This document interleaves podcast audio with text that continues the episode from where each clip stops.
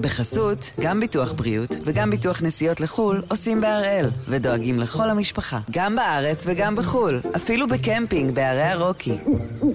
כן, גם שם, כפוף לתנאי הפוליסה וסייגיה ולהנחיות החיתום של החברה. היום יום רביעי, 1 בספטמבר, ואנחנו אחד ביום, מבית N12.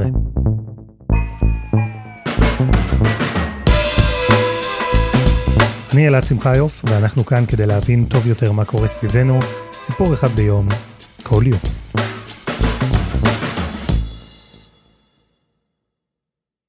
רגע לפני שנתחיל, הודעת מערכת. לפי החישוב שלנו, זה הפרק המאה ועשרה של אחד ביום.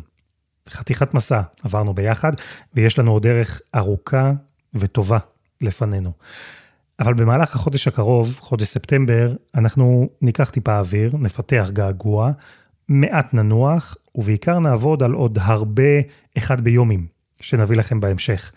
אז אנחנו יוצאים לפגרה קצרה, ואנחנו מבטיחים לחזור אליכם עם סיפור אחד ביום, בכל יום, בחודש אוקטובר. בינתיים אתם יותר ממוזמנים להמשיך לשוחח איתנו בקבוצת הפייסבוק שלנו, נעלה שם פרקים קודמים רלוונטיים, נספר קצת חוויות מאחורי הקלעים. בכל זאת, אנחנו לא רוצים להתגעגע יותר מדי.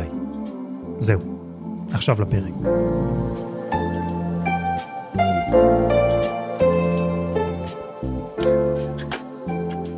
בסמליות יש מסר, כי זו הרי דרך יצירתית להעביר פואנטה. ולכן ההחלטה של הנשיא ביידן לפנות את אחרון החיילים האמריקנים מאפגניסטן עד 11 בספטמבר 2021 היא לא רק סמלית, יש בה מסר. והמסר הזה הוא כנראה שבתום 20 שנה, אמריקה חותמת את פרק פיגועי התאומים. בן לאדן חוסל, שתי המלחמות שפרצו אחרי הפיגועים הסתיימו, ואמריקה היא אחרת לגמרי מזו שהייתה אז, בבוקר ההוא, בשנת 2001. הפעם אנחנו בשיחה מיוחדת עם יונית לוי, היום מגישת המהדורה המרכזית וגם של הפודקאסט Unholy, אז כתבת חוץ שסיקרה את פיגועי ה-11 בספטמבר מגראונד זירו, המקום שבו הם קרו.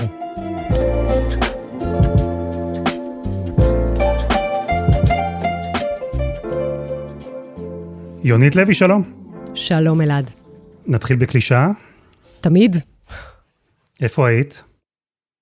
Uh, אני הייתי אז uh, כתבת חדשות חוץ, וזה לא היה יום שהייתי אמורה לעבוד בו. Uh, בדיוק עברתי מבית uh, הוריי בירושלים לדירה בתל אביב, והלכתי לקנות טלוויזיה. Uh, אתה יודע, זה uh, הרי לא עידן שיש uh, סמארטפונים ופושים ועדכונים, והשעה הייתה קרוב לארבע, uh, ואני זוכרת שנכנסתי לחנות, וכל המסכים היו על העיר ניו יורק. We are going to join one of, another one of our New York affiliates, WABC, for their live coverage. ועל מה שהיה נראה אז כמו, וכך גם דווח בדקות הראשונות, מטוס קל שפגע באחד ממגדלי התאומים והמון עשן.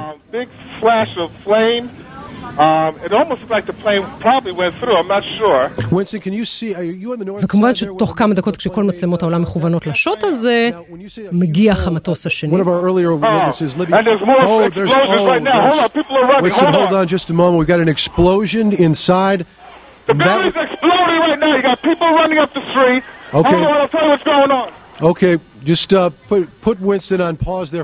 ואותו רגע הבנתי שמה שאני רואה זה...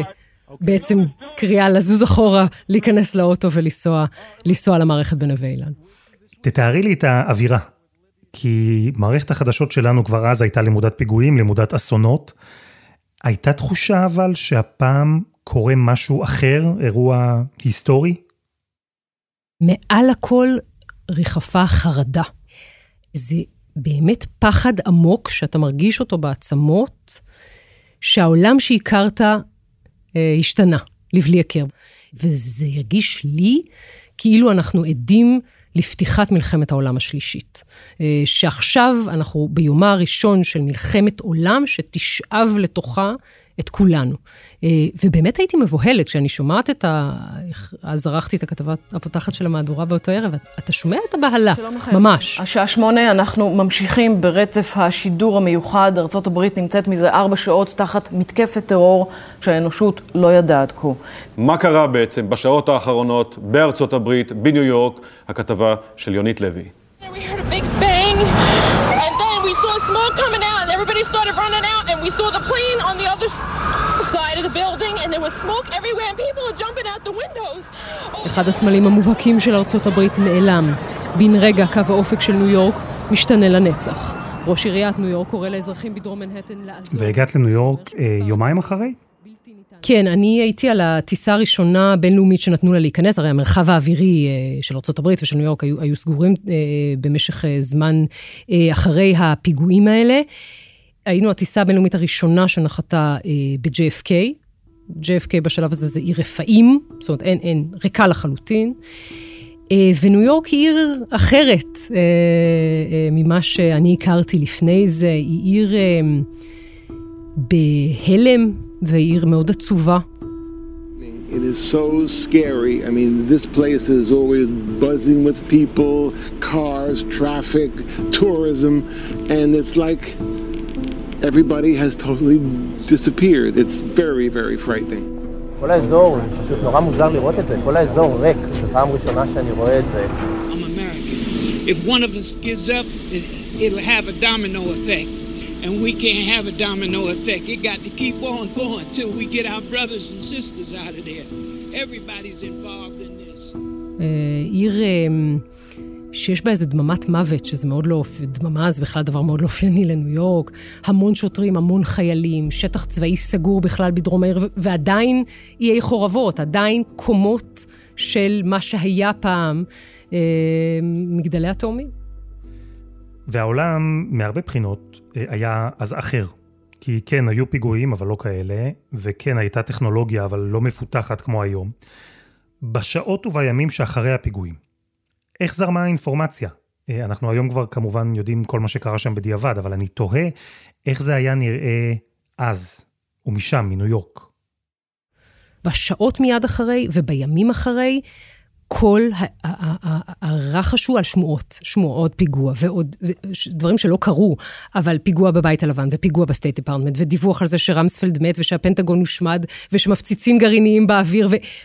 אתה יודע, זה חרושת שמועות שנורא מבהילה. אגב, היא, היא משותפת לכל העולם, כי מתחילים, מפנים את השגרירויות של ישראל ושל ארה"ב ושל בניין נאט"ו בבריסל. הבהלה היא גדולה, וכל הזמן יש לך תחושה שהנה עוד רגע מגיע הדבר הבא. וזה עיר שאני חושבת, ובכלל מדינה שעוד לא מעכלת מה, מעבר, לא בימים הראשונים. טראומה הקולקטיבית הראשונה של אמריקה לפני זה, או שבה, שהיא מאוד דומה, זה פרל הרבור לכאורה. כי פרל הרבור זה מתקפת פתע על אדמת ארצות הברית, אבל זה מתקפת פתע באמצע מלחמה, וזה על בסיס אמריקני בהוואי. זה לא משתווה לזה של מחבלים שעולים על מטוס, עם סכינים יפניות אלעד, אגב, וזה היה ברור תוך כמה ימים, שככה הם ביצעו את הפיגוע, הכי לואו-טק, כן? השתמשו בסכינים יפניות כדי להפוך מטוסים לנשק. וזה דבר שאמריקה, באמת, התחושה הייתה שהמדינה המתקדמת ביותר בעולם, האימפריה, אה, הורדה על הברכיים, ומאוד מתקשה לקום. יש לך אה, זיכרון שאת לוקחת איתך מהימים האלה שם? יש המון, יש המון. אה, זה מין אירוע, חוויה שכל דקה בחרותה. אני לא, אני, לא, אני זוכרת הכל. אני זוכרת את, את ליאת לוינר, אשתו של שי, שעבד אה, באחד המגדלים. ישבתי איתו פה, הוא הגיע אליי בשמונה בבוקר, ישבנו פה ודיברנו על uh, כמה מסוכן עכשיו בארץ, וכמה טוב שאנחנו פה עם התינוקת, והרבה יותר בטוח לה פה. ואחרי שעה וחצי קיבלנו את ההודעה שהפיגוע בתאומים. והייתה להם תינוקת בת חודש וחצי, זה זוג ישראלי שאז הייתה אינתיפאדה בארץ, כן, אז, אז החליטו להישאר בניו יורק כי חששו מהטרור, אה, והדבר הזה נפל עליהם, ואני זוכרת שהלכנו איתה לתת דגימות DNA, כשכבר היה ברור, כי הרי בהתחלה ניו יורק הייתה מכוסה בכל אותם אנשים שמחפשים את תמונות יקיריהם, כשהיה ברור די מהר ש, שזה לא יקרה, שהם לא יצאו בחיים. אני יודעת ש... קשה, קשה למצוא אותם, 4,000 איש קבורים שם מתחת להריסות, ואת רוב הגופות לא ימצאו לעולם, אבל אני אמשיך ללכת לבתי החולים ואמשיך לבדוק כל unidentified עד שנמצא אותו. בהתחלה זה החזיק אותי המחשבה הזאת שהוא, שהוא אדם כל כך טוב, שאם יש מישהו שמגיע לו נס אז זהו והוא בטח ניצל. אבל ללכת ברחובות ולראות את כל התמונות האלה של כל האנשים שנהדרים, היו שם כל כך הרבה אנשים טובים שגם להם היה מגיע להינצל. עכשיו אנחנו, אני רק מקווה שימצאו את הגופה שלו בקרוב, כדי שיהיה לי איפה לבקר אותו. אז הלכנו איתה, והיא נכנסה לליבי, ונכנסו לי ללב אה, ישראלים אחרים שסיפרו לי על איך, ישראלי בשם אורי אלתר, שלחם בלבנון ואמר, מה שאנחנו הישראלים מחזיקים מאז ומעולם, אנחנו יודעים שהעורף יכול להפוך לחזית, פתאום הגיע גם לפה, הגבול הגיע גם לפה. אני רק זוכר שרעדתי איזה שעתיים, הייתי כולי באדרנלין, שאני לא זוכר שהייתי בו, מאז, מאז לבנון. אני הייתי די בדיכאון פה בימים האלה. אה, ואתה יודע, היה גם רגעים נורא אמריקאים, שאתה פתאום נתקל באיזה דוכן שמוכר מרצ'נדייס במחיר מופקע, שיש דגלים אמריקאים וטישרטים, וכתוב כאילו God bless America, ואתה אומר, אוקיי, אולי יהיה בסדר, אולי אמריקה תחזור לעצמה, אם כבר יומיים אחרי מוכרים מרצ'נדייס במחיר מופקע, אז אולי אה, הכל יהיה בסדר. זה מאוד, זה מאוד מעורבב, זה מאוד... אה, זה, זה חוויות שאני באמת, אני לא שוכחת אותן. ובעצם מהרגע הזה, מתחיל עידן הפוסט 9-11, שבו אמריקה כבר היא לא אותה אמריקה? כן, אמריקה היא לא אותה אמריקה, זו הגדרה מדויקת. אני חושבת שמשהו קודם כל עמוק בתחושת הביטחון העצמי האמריקני לא יחזור. אתה יודע, אם אנחנו עושים רגע, לוחצים רגע פוז ואומרים, בוא, בוא נראה רגע איזה עולם היינו ב-2001, כן? ברית המועצות קרסה. אה, סין ודאי לא הייתה איום אז על אמריקה. אה, זה היה עולם יוניפולר, אמריקה הייתה הגדולה, המעצמה, דמוקרטיה ניצחה, ליברליזם ניצח, כביכול איזו תמימות כזו. והכל התרסק בבת אחת, הוא התרסק לא רק על ראשה של אמריקה, גם על ראשו של המערב כולו. אז במובן הזה, קודם כל בתחושה, ברור שאמריקה היא, היא אחרת. במובן ה... אתה, אתה יודע, כמעט הפרקטי, עבר על, על גופי המודיעין ועל מערכת הביטחון האמריקאית, מה שעבר על, על הישראלים אחרי מלחמת יום הכיפורים. זאת אומרת, ודאי השקעה הרבה יותר גדולה, אה, אה, הפניית תשומת לב למודיעין, הפער הזה שתמיד קיים באמריקה בין...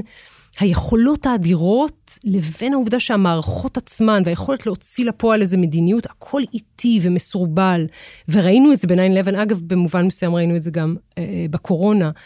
ואתה חושב גם על העובדה ש, שבאמת, אני זוכרת את התחושה הזו שאתה מסתובב בניו יורק ומסתכלים עליך כשאתה מדבר שפה זרה, בודקים לך את התיקים, כל הזמן איזה מין מבט כזה של יכול להיות פה עוד, עוד פיגוע, אה, אה, אה, ויש פה חפצים חשובים. זאת אומרת, זה הכל מתחבר לזה ש, שמשהו בתחושת הביטחון נפגע מאוד. אני סקרן להבין אה, למה. למה בעצם הפיגועים האלה היו נקודת שבר עולמית כמו שאת מתארת אותה, אני לא מדבר כמובן לאמריקנים או לניו יורקרים, זה ברור, אבל מה הפך את פיגועי ה-11 בספטמבר לכאלה שהשפיעו באופן אה, רגשי אפילו על כל העולם? תראה, אני חושבת שזה חוזר גם לעניין של ה image. זאת אומרת, הטרור, למרבה הצער, הצליח כל כך באותו יום, לא רק בגלל שהתוכנית השטנית הזאת עבדה להם, כן? זה, שוב, לקחת את הסכינים היפניות ולהוריד את הסמל האמריקאי, לב המסחר, התעשייה, הקדמה האמריקאי, וממש לעקור את הלב של אמריקה. אז זה לא רק העניין הזה, אבל זה שודר שוב ושוב. ותחשוב רק על מה הם הצליחו לעשות כאן, כן? הם לקחו שלושה דברים שהעולם המערבי המציא, ואיזה סוג של קדמה, נגיד, גורדי שחקים, טלוויזיות, אה, מטוסים. והפכו את זה לסמל של הרוע האנושי ושל השפל האנושי. וזה כמה image ים, כן? אנחנו מדברים כל הזמן על image אחד. זה המטוס שנכנס ואחר כך המגדלים שקורסים.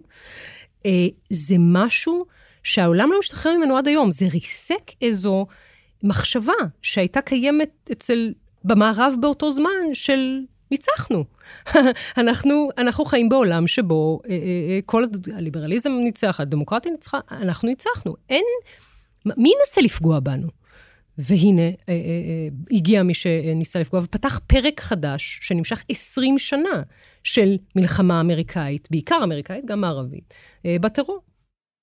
כמה זמן, אם יש בכלל איזו נקודה שבה את יכולה לשים את האצבע ולומר, תהליך ההלם, האבל, הסתיים והפך גם מצד אחד אולי להתפכחות, אבל גם לרצון אפילו נקמה, הייתי אומר, או בטח לפעולת עקיפה. כמה זמן זה לקח? מעט מאוד. אה, קודם כל, הרצון לנקמה היה מאוד ברור, ואגב, גם מובן, אנושי, כן? אה, מהר מאוד, ג'ורג' בוש, שאגב, אה, צריך להזכיר, ביום עצמו לא היה קיים, וזה גם הוסיף לתחושת החרדה, בעיקר כי היה ברור שהבית הלבן יעד, היה ברור שגם הנשיא הוא יעד, אז היה צריך להחביא אותו ולשים אותו במקום מסתור, ו- ולכן הוא לא היה שם, זאת אומרת, לא ראו אותו כמעט וזה. אבל, אבל מהר מאוד, ג'ורג' בוש מגיע למגדלי התאומים, עומד כבר עדיין על ההריסות, ואומר, מי שעשה את זה ישמע אותנו. You,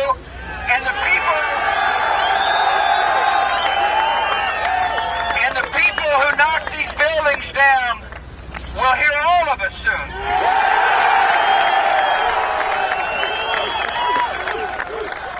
מהר מאוד אמריקה נכנסת למלחמה באפגניסטן, ב-2003 גם נכנסת למלחמה בעיראק, ואמריקה, אנחנו מדברים על מישהו נתן לנו אגרוף בפנים, אנחנו ניתן לו אגרוף יותר חזק, זאת התחושה, אבל היא עוטפת את זה גם כן באיזה מעטה אידיאולוגי, כן, אנחנו נביא דמוקרטיה למדינות האלה, ולכן כך ננצח את הטרור, אמ, זה קורה די מהר. וזה מעניין, כי את מתארת איך טרוריסטים איסלאמיסטים השתמשו בסכינים פשוטות מאוד, ובכמה משיאי היצירה של המערב, כדי להפיל בעצם את הסמל הקפיטליסטי המערבי הכי גדול והכי מוכר בעולם. אמריקה, אמרנו, היא כבר לא אותה אמריקה, היא הפכה ממעצמת על היחידה בעולם לקורבן טרור במובן הכי מדמם של המילה.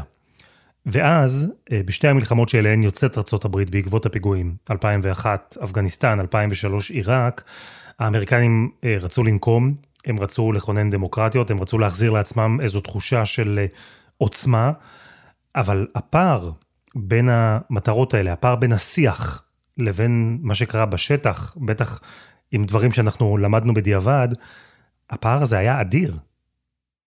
השיח היה, זה התלבש מאוד על, על חלק מהגורמים אצל ג'ורג' בוש, בעיקר של דיק צ'ייני, סגן הנשיא, ודונלד רמספלד, שר ההגנה, שתפסו כבר את הכיוון של הרבה יותר, מעבר ל... אנחנו נלחם בטרור, אלא אנחנו נביא את הדמוקרטיה, אנחנו נעשה nation building, אנחנו באמת נראה אה, אה, אה, את כוחה של אמריקה, לא רק הכוח הצבאי, אה, וצריך גם להגיד, אמריקה הסתבכה בשתי מלחמות, האחת... בעיקר כי ניהלה, אתה יודע, קמפיין נגד אל-קאעידה באפגניסטן, כשרוב אל-קאעידה ברח לפקיסטן כבר, והסתבכה במלחמה בעיראק, ואת זה אנחנו כבר יודעים בוודאות לומר, שהייתה מבוססת, אין דרך יותר עדינה להגיד את זה, על הונאה של הציבור האמריקאי. זאת אומרת, אמרו לציבור האמריקאי, סדאם חוסיין קשור לפיגועים והוא קשור לאל-קאעידה. אמרו לציבור האמריקאי, לסדאם חוסיין היה נשק להשמדה גרעינית, להשמדה המונית. שני הדברים האלה לא היו נכונים. אה, היו הרוגים אמריקאים בעיראק, אמריקה מסתבכת בעיראק. ובאיזשהו שלב, אני לא נכנסת עכשיו אם זה היה רשלנות או זדון, אותה, אותו, אותה אי אמירת אמת, אבל באיזשהו שלב אי שם ב-2006-2007, כבר ברור ש, שהדברים האלה לא היו נכונים, וזה מוביל לזעם מאוד מאוד גדול בחברה האמריקנית, שכמובן מוביל לבחירתו של האיש הכי הפוך מג'ורג' בוש. Hello, Chicago! If there is anyone out there who still doubts that America is a place where all things are possible, tonight is your answer.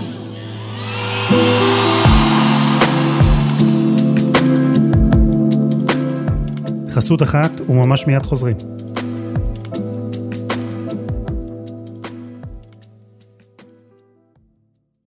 בחסות, גם ביטוח בריאות וגם ביטוח נסיעות לחו"ל עושים בהראל, ודואגים לכל המשפחה, גם בארץ וגם בחו"ל, אפילו בקמפינג בערי הרוקי. כן, גם שם, כפוף לתנאי הפוליסה וסייגיה ולהנחיות החיתום של החברה. יונית, אנחנו מציינים 20 שנה לפיגועי ה-11 בספטמבר. היית שם, סיקרת את האירוע ההיסטורי הזה מהגראונד זירו, ואני רוצה להמשיך בקו הישיר הזה שאת משרטטת בצדק רב, 9-11, אפגניסטן, עיראק, והחוליה הבאה בשרשרת היא הנשיא ברק אובמה. כלומר, בלי השתלשלות האירועים הזו, לא היה ברק אובמה בבית הלבן? אני חושבת שלא. תראה, שוב, קשה, אנחנו מנהלים שיחה כבר בהיסטוריה וירטואלית, אבל אני חושבת שברק אובמה ייצג שני דברים. אחד, באמת אנטיתזה לג'ורג' בוש, כל דבר ש, שבוש אינו. צעיר, כריזמטי, אינטלקטואל, ידע עמוק בעולם. ונוסף לזה, ואת זה חייבים לזכור, כן? הוא התנגד למלחמה בעיראק. As a candidate for president, I pledge to bring the war in Iraq to a responsible end. for the sake of our national security and to strengthen American leadership ובתוך המפלגה הדמוקרטית, כשהוא, בוא נודה על האמת, הקרב האמיתי שלו והניצחון האמיתי שלו זה בפריימריז מול הילרי קלינטון, ולא אה, אה, בקרב על הנשיאות מול ג'ון מקיין, הוא היה איש שהתנגד למלחמה בעיראק, זה נתן לו המון קרדיט ב-2008, זאת אומרת, זה, זה במידה רבה נתן לו את הניצחון מול הילרי קלינטון, אחר כך היה לו לדעתי יותר קל כבר לנצח מול ג'ון מקיין, אז לא, לשאלתך, לדעתי ברק אובמה לא. אגב, רק תחשוב כמה הסנטימנט היה אנטי בוש, שעד שבע שנים אחרי 9-11 עולה לשלטון אדם ששמו ברק חוסיין אובמה, ואבא שלו היה מוסלמי. שוב, הוא נוצרי.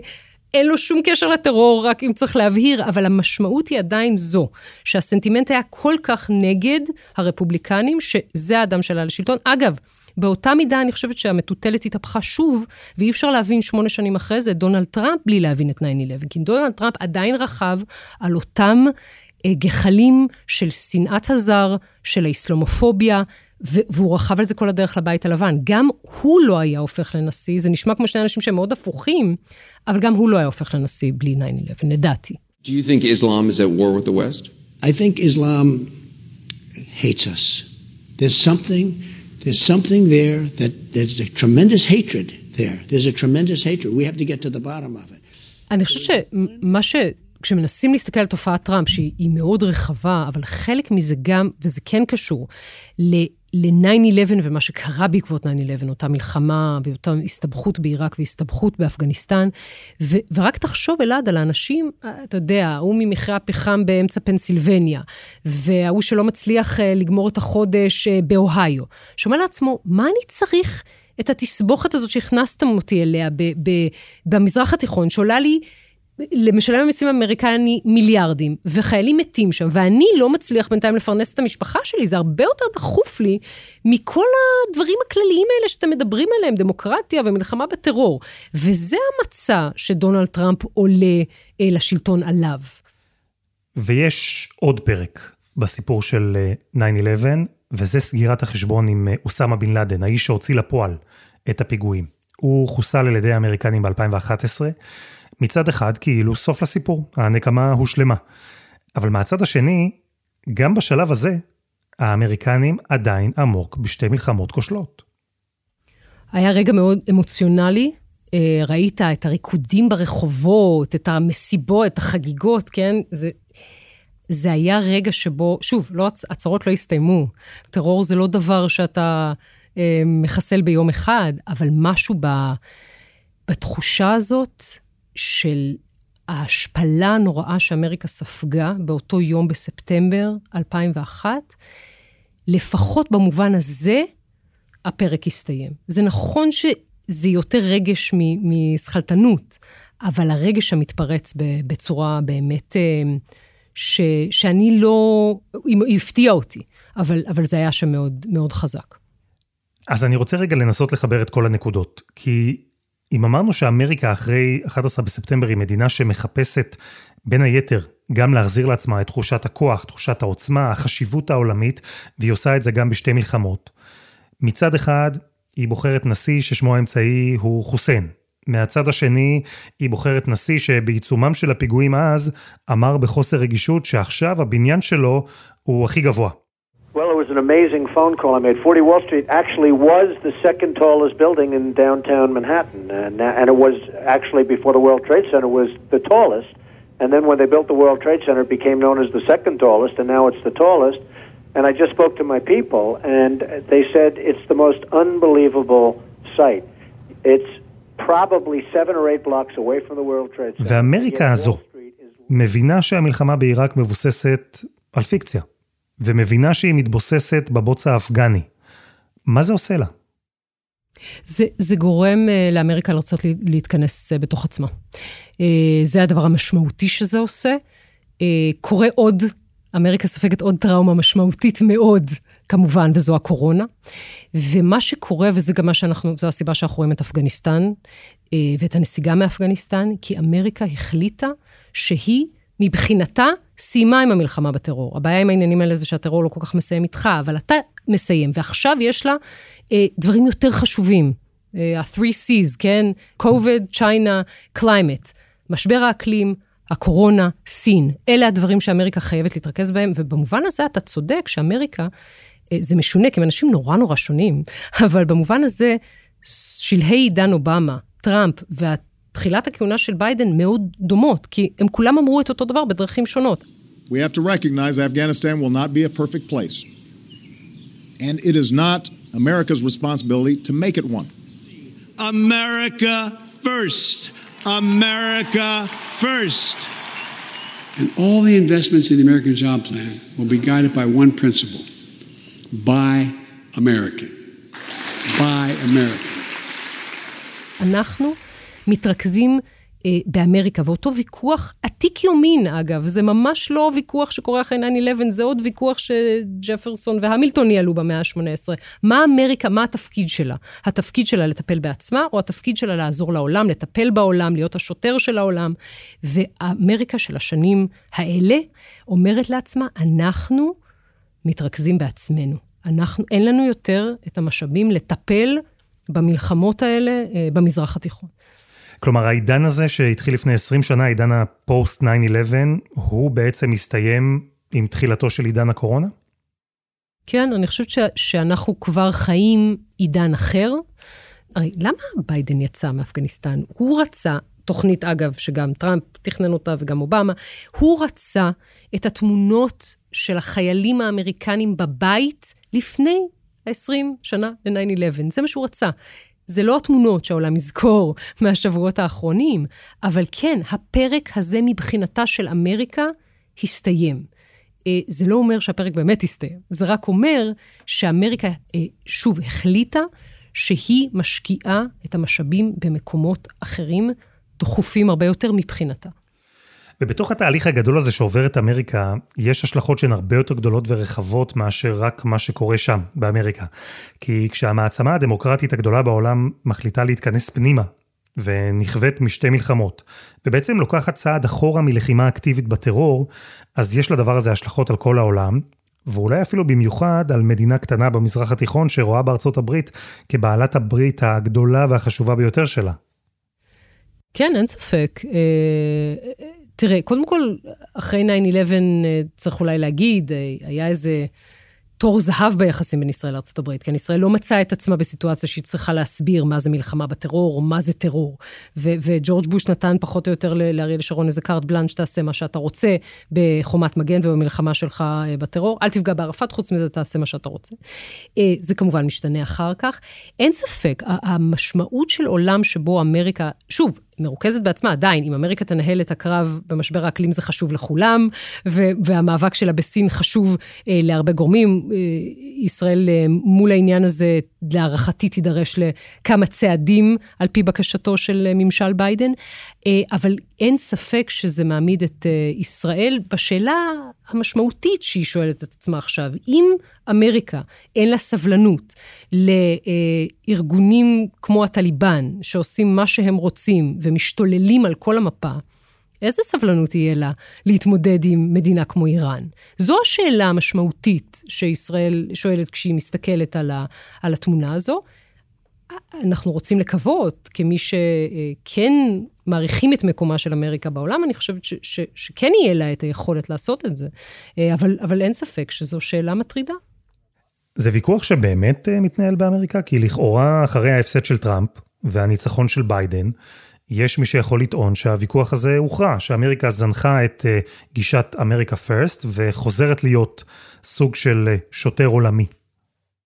אני חושבת שזה תמיד יהיה חלק מהוויכוח האמריקאי, תמיד. פה זה ממש היה, it was personal, כן? פה זה היה, זה לא היה, נסענו לאירופה להציל את, את, את אירופה מהנאצים. פה זה... ממש עקרתם לנו את הלב ואתם תשלמו על זה. אבל, אבל אני חושב שהוויכוח הזה, הוא, הוא יחיה לנצח. כי, כי, כי זו הדילמה האמריקאית. אנחנו האימפריה, אנחנו הכי חזקים בינתיים, והאם אנחנו משתמשים בכוח שלנו גם כדי לסייע לאחרים, או רק לסייע לעצמנו. אני חושבת שבתור ישראלים, אנחנו צריכים לקוות שזה יהיה החלק הראשון ולא החלק השני.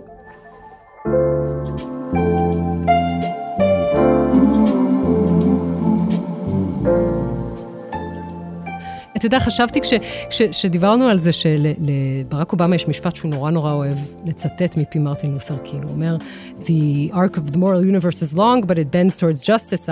כאילו, ההיסטוריה האנושית היא דבר ארוך, אבל בסופו של דבר אנחנו נעים אל עבר הצדק. אני לא בטוחה שזה נכון, אני מאוד מקווה שזה נכון. אמ, זהו, זה מה שאני לוקחת איתי מהיום הזה.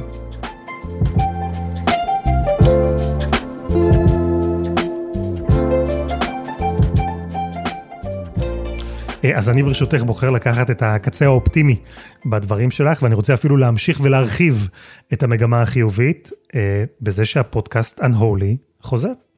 זה נכון, אה, אתם יוצאים לחופשה, אנחנו חוזרים, ככה זה, זה מין מרוץ שליחים כזה.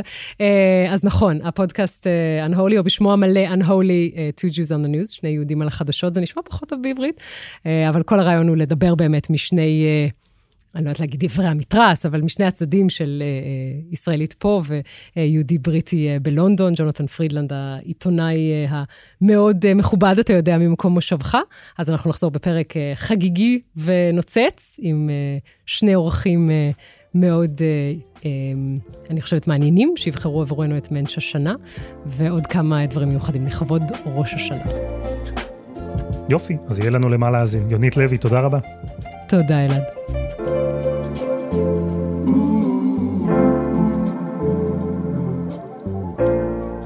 וזה היה אחד ביום, של N12. הפרק הזה, כמו כל הפרקים הקודמים שלנו, למשל המהפכה השקטה של ביידן, שבו יונה לייבזון סיפרה לנו על השינויים הדרמטיים שעושה הנשיא הנוכחי, מי שלפעמים מצטייר כמעט אפרורי, אז כולם זמינים ב-N12 ובכל אפליקציות הפודקאסטים. העורך שלנו הוא רום אטיק, בצוות דני נודלמן ועדי חצרוני, על הסאונד יאיר בשן שגם יצר את מוזיקת הפתיחה שלנו, ואני אלעד שמחיוף, ואנחנו נחזור לאוזניים שלכם אחרי הפגרה חודש אוקטובר, אז בינתיים מכולנו, שתהיה לכם שנה טובה, חגים טובים, אנחנו נשתמע שוב בקרוב.